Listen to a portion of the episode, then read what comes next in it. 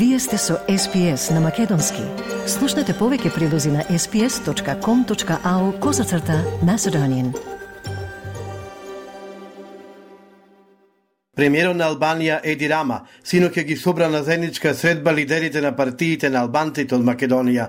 Средбата како што објавија албанските медиуми се одржа во зградата на владата на Албанија и до мигот на подготовката на ново извештај беше во тек. На средбата се присутни лидерот на ДУИ Али Ахмети, председател на Алијанса за албанците Арбен Таравари, првиот човек на алтернатива Африм Гаши и лидерот на Демократската партија на албанците Мендух Тачи. Единствено лидерот на Беса, Бил Касами, кој исто така беше поканен на средбата, ја одбил поканата и не дојде во Тирана, оти како што изјави предходно не сакал да седне на иста маса со Ахмети. На средбата во албанската влада, како што јавија тамошните медиуми, присутна и министерката за надворешни работи на Албанија, Олта Джачка. Темата на заедничката средба со лидерите на албанските партии во Македонија, која иницираше премиерот Еди Рама, засега не е официјално позната. Пред официјалниот старт на средбата, лидерот на Дуја Али Ахмети во изјава за ТВ21 кажал оти средбата е пријателска и братска, но не открил за што конкретно ќе стане збор на состанокот. Цитирам, ќе ги видиме темите, сите теми кои се профитабилни, особено ме интересира градењето и зајакнување на заедничката стратегија за приближување на патот кон Европската Унија. Ова е исклучително важна мисија за нашата земја, зајакнување на мирот, стабилноста и напредокот на економијата, рекол Ахмети за ТВ21. Албанската Ньюз 24 јави дека на состанокот станало збор за внатрешно политичката ситуација во Македонија, како и за улогата на албанските партии во надминувањето на Чорсока за обезбедување мнозинство, бидејќи собранието мора да направи одредени уставни измени поврзани со напредокот и продолжувањето на процесот на евроинтеграциите. За ВМРО ДПМН е средбата во Тирана е само обид за спас на власта во заминување, за спас на кариерите и бизнисите на ДУИ и на некокумината околу Димитар Ковачевски. Поред портпаролот Наум Стоилковски, средбата се случува токму на барање на СДС и на Димитар Ковачевски, за да добијат помош за продолжување на мандатот на оваа влада. Социјалдемократите немаат проблем со средбата во Тирана, велат се што може да помогне за државата и регионот е добре дојдено, пренесе МТВ. Советникот на Стей Департментот Дерек Шоле денес ќе престојува во Скопје, при што ќе се сретне со премиерот Димитар Ковачевски, со кој ќе разговара за повеќе прашања, меѓу кои енергетиката, економијата и борбата против корупцијата. Целта на посетата на Шоле на Западен Балкан, како што предходно соопшти Стей Департментот, е да ја нагласи трајната посветеност на САД за мир, стабилност и просперитет на Западниот Балкан. Неговата посета на земјава е во рамки на балканската турнеја, за време на која ќе ги посети и Косово и Србија. Албанската телевизија Ора Ньюс ги реактуализира информациите за вклученост на високи македонски функционери од редовите на СДСМ и на ДУИ, но и од полицијата, односно сините униформи, како што се наведува во објавата во шверцто наркотици. Телевизијата завчера објави прилог со наслов Аудио снимките што го загрижија Трајче Заев – не ја издавајте книгата со тврдење дека лице кое ќе било заштитено од правдата поседувало неколку аудио снимки кои покажувале дека високи функционери во Македонија директно интервенирале за да ја направат неуспешна операцијата што ја пределе странски агенции за битка против шверто наркотици. Во аудиоснимките на мрежата за шверт на наркотиците се наоѓаат имиња на високи функционери на коалицијата СДСМДУИ, но и познати имиња на сините униформи. Од друга страна, има и прослушувања кои покажуваат дека високи функционери директно интервенирале за да се овозможи неуспех на операцијата, преземена од странските агенции, објавува телевизијата. Ора Ньюс објавува дека лицето што ги поседувало аудиоснимките најпрво им комуницирало со Трајче Заев, братучет на поранешниот премиер и лидер на ЦДСМ Зоран Заев, известувајќи го за ситуацијата, пошто тој му одговорил со кодирана порака. Телевизијата сепак не објавува за која точна акција станува збор, која била водена од странски агенции па била спречена од високи функционери. Единствено во јавноста е познат случајот со заплената на 200 кг марихуана на планинскиот превој Плетврка и Прилеп во април 2021 Како што е познато во акцијата на МВР и американската ДЕА беа приведени шест лица, меѓу кои тогашниот командир на полицијата Кирет Пирковски. Пет од уапсените признаа вина со што добија затворски казни од 3,5 до 5 години за кривично дело, неовластено производство и пуштање во промет на наркотични дроги, психотропни субстанци и прекурсори.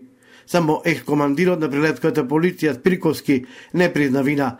Тој до денеска е во кујкен притвор во очекување на епилог од жалбената постапка пред апелациониот суд.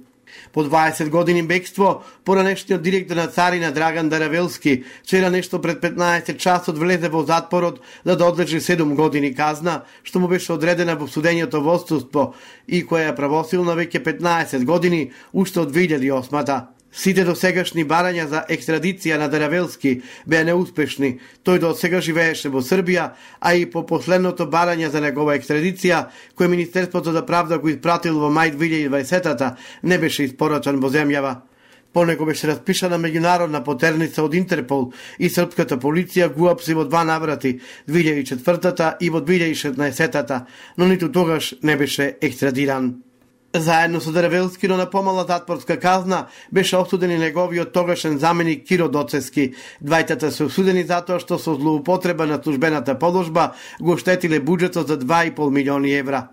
Државата во 2010-та му конфискуваше имот на Даравелски во Куманово и во Скопје. Сега има можност на Даравелски да му се суди повторно во негово присуство, доколку тој го побара тоа за евентуално повторно судење, веќе постои гаранција од Скопскиот кривичен суд, дадена пред 8 години, јавија медиумите. Но според избори на Плюс Инфо, на поранешниот функционери бегалец од правдата Драган Даревелски, кој беше уапцен на граничниот премин Табановце при влез во Македонија, му застареле делата и најверојатно брзо ќе биде ослободен од затвор, велат за Плюс Инфо, добро упатени избори. Изворите велат дека Деревелски решил да влезе во Македонија, откако преку неговите адвокати се уверил дека неговите дела се застарени и не може да биде задржан на издржување на затворската казна, која му е досудена во 2007-та. По неговото апсење ќе бидат потребни само неколку денови за тоа официјално да биде констатирано, пошто тој ќе биде слободен граѓанин, велат изворите на Плюс Инфо. Но порталот 360 сино ќе објави, цитирам, за поранешниот директор на Царинската управа најверојатно не настапила застареност на извршување на санкцијата казната затвор, бидејќи тоа го спречиле надлежните органи со тоа што изминатите години испраќале барања за екстрадиција во Србија. Оно што не може да се спречи е апсолутна застареност на извршувањето на санкцијата, но таа во случајот настапува дури во 2028 година, објави 360. Поранешниот градоначалник на Битола Владимир Талески започна со издржување на затворска казна за случајот транспортер. Тој синоќ е бил проведен во затворот во Прилеп. Талески помина три години во домашен притвор, а во меѓувреме земаше плата од Битолскиот народен театар, каде е вработен како актер. Случајот за кој е осуден тој уште 20 лица со несвана злоупотреба на службената положба во врска со организирањето превоз на ученици во Битола, со што е направена проневера на околу 360.000 евра. Поранешното специјално јавно обвинителство СЈО го отбори овој случај во април 2016-та, додека Талески беше граначалник на Битола од редовите на ВМРО ДПМНЕ. Жан Митрев и неговата клиника се обвинети за измама.